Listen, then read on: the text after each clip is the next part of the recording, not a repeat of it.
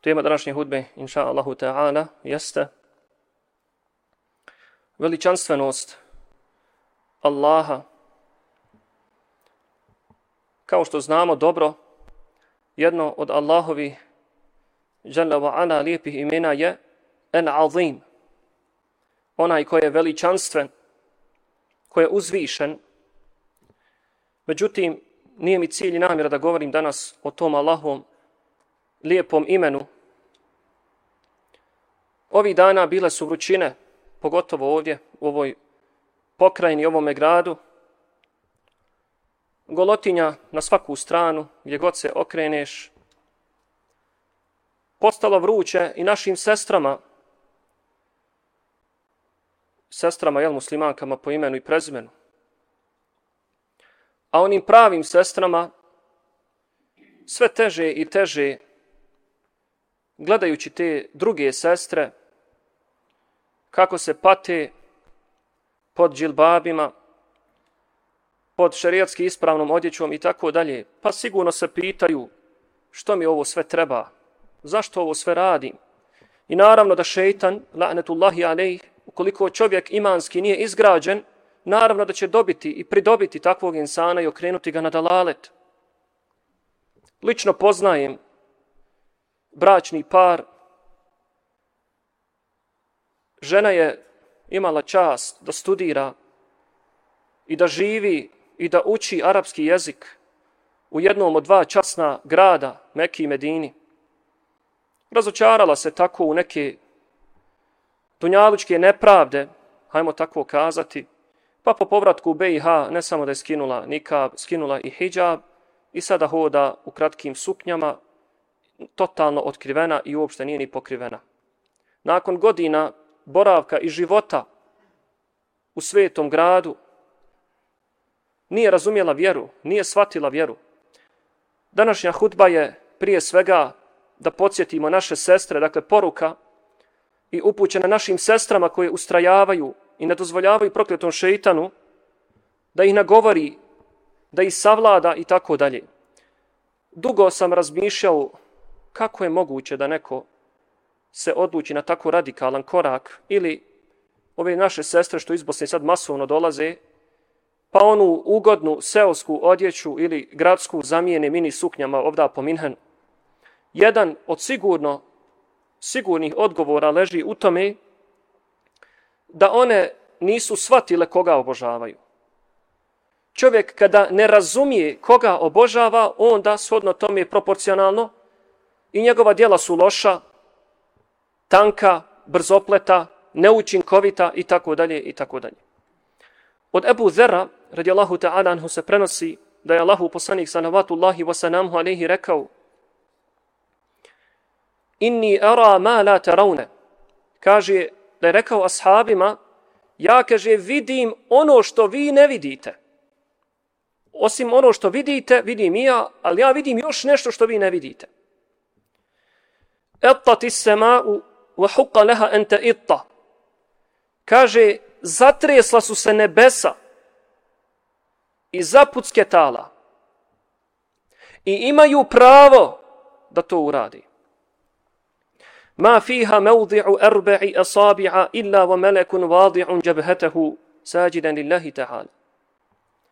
Kaže, a ta nebesa su se zaškripala ne možeš, kaže, na njima da pronađeš nikoliko četiri prsta, a da ne vidiš meleka kako pada Allahu pokorno na seđdu.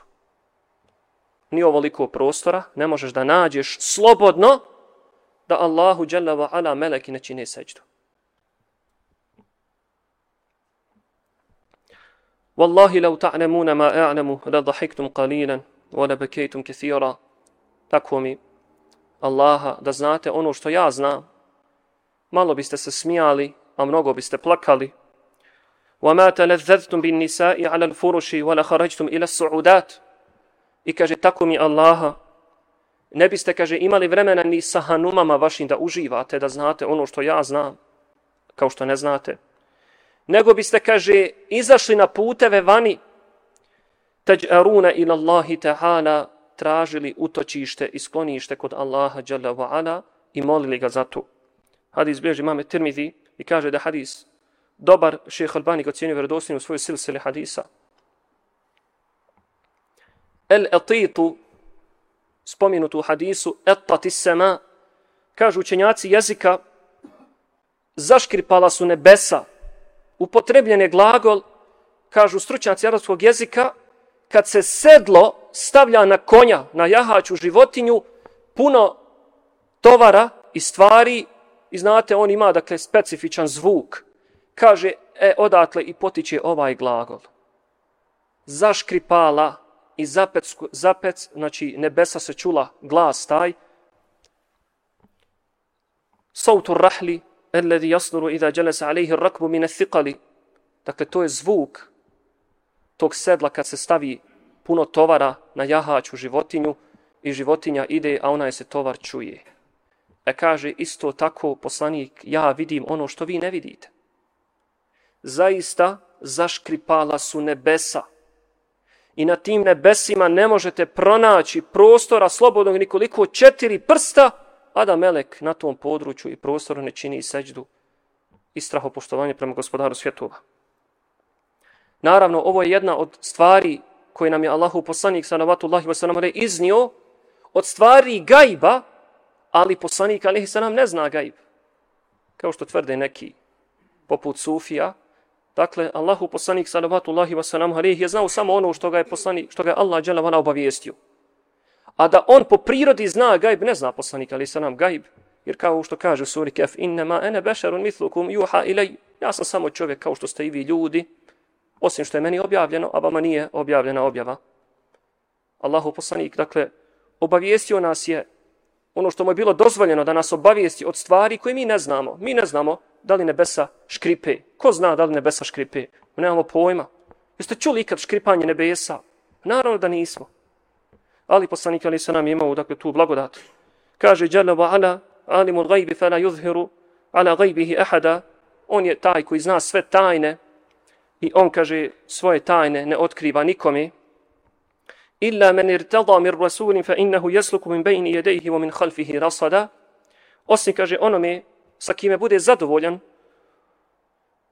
za poslanika, kaže i koga dakle odabere, zato on i ispred njega i iza njega postavlja one koji će ga čuvati. Dakle, poslanik Ali Salam je htio da kaže ashabima, ja znam neke stvari koje vi ne znate, koje sam vidio kad sam išao na Mi'rađ. Prenosi se u predajama da je vidio džennet i džehennem, ali ga nije vidio samo na Mirađu, nego ga je čak i vidio u mihrabu dok je stajao ispred njega se pokazao. Također, kada je otišao, vidio je mnoge kategorije ljudi koji su kažnjavani zbog raznih grijeha. Imali ste priliku na našim serijalu predavanja o Gibetu da čujete kako je poslanik prolazio pored džehennema pa vidio tu i tu kategoriju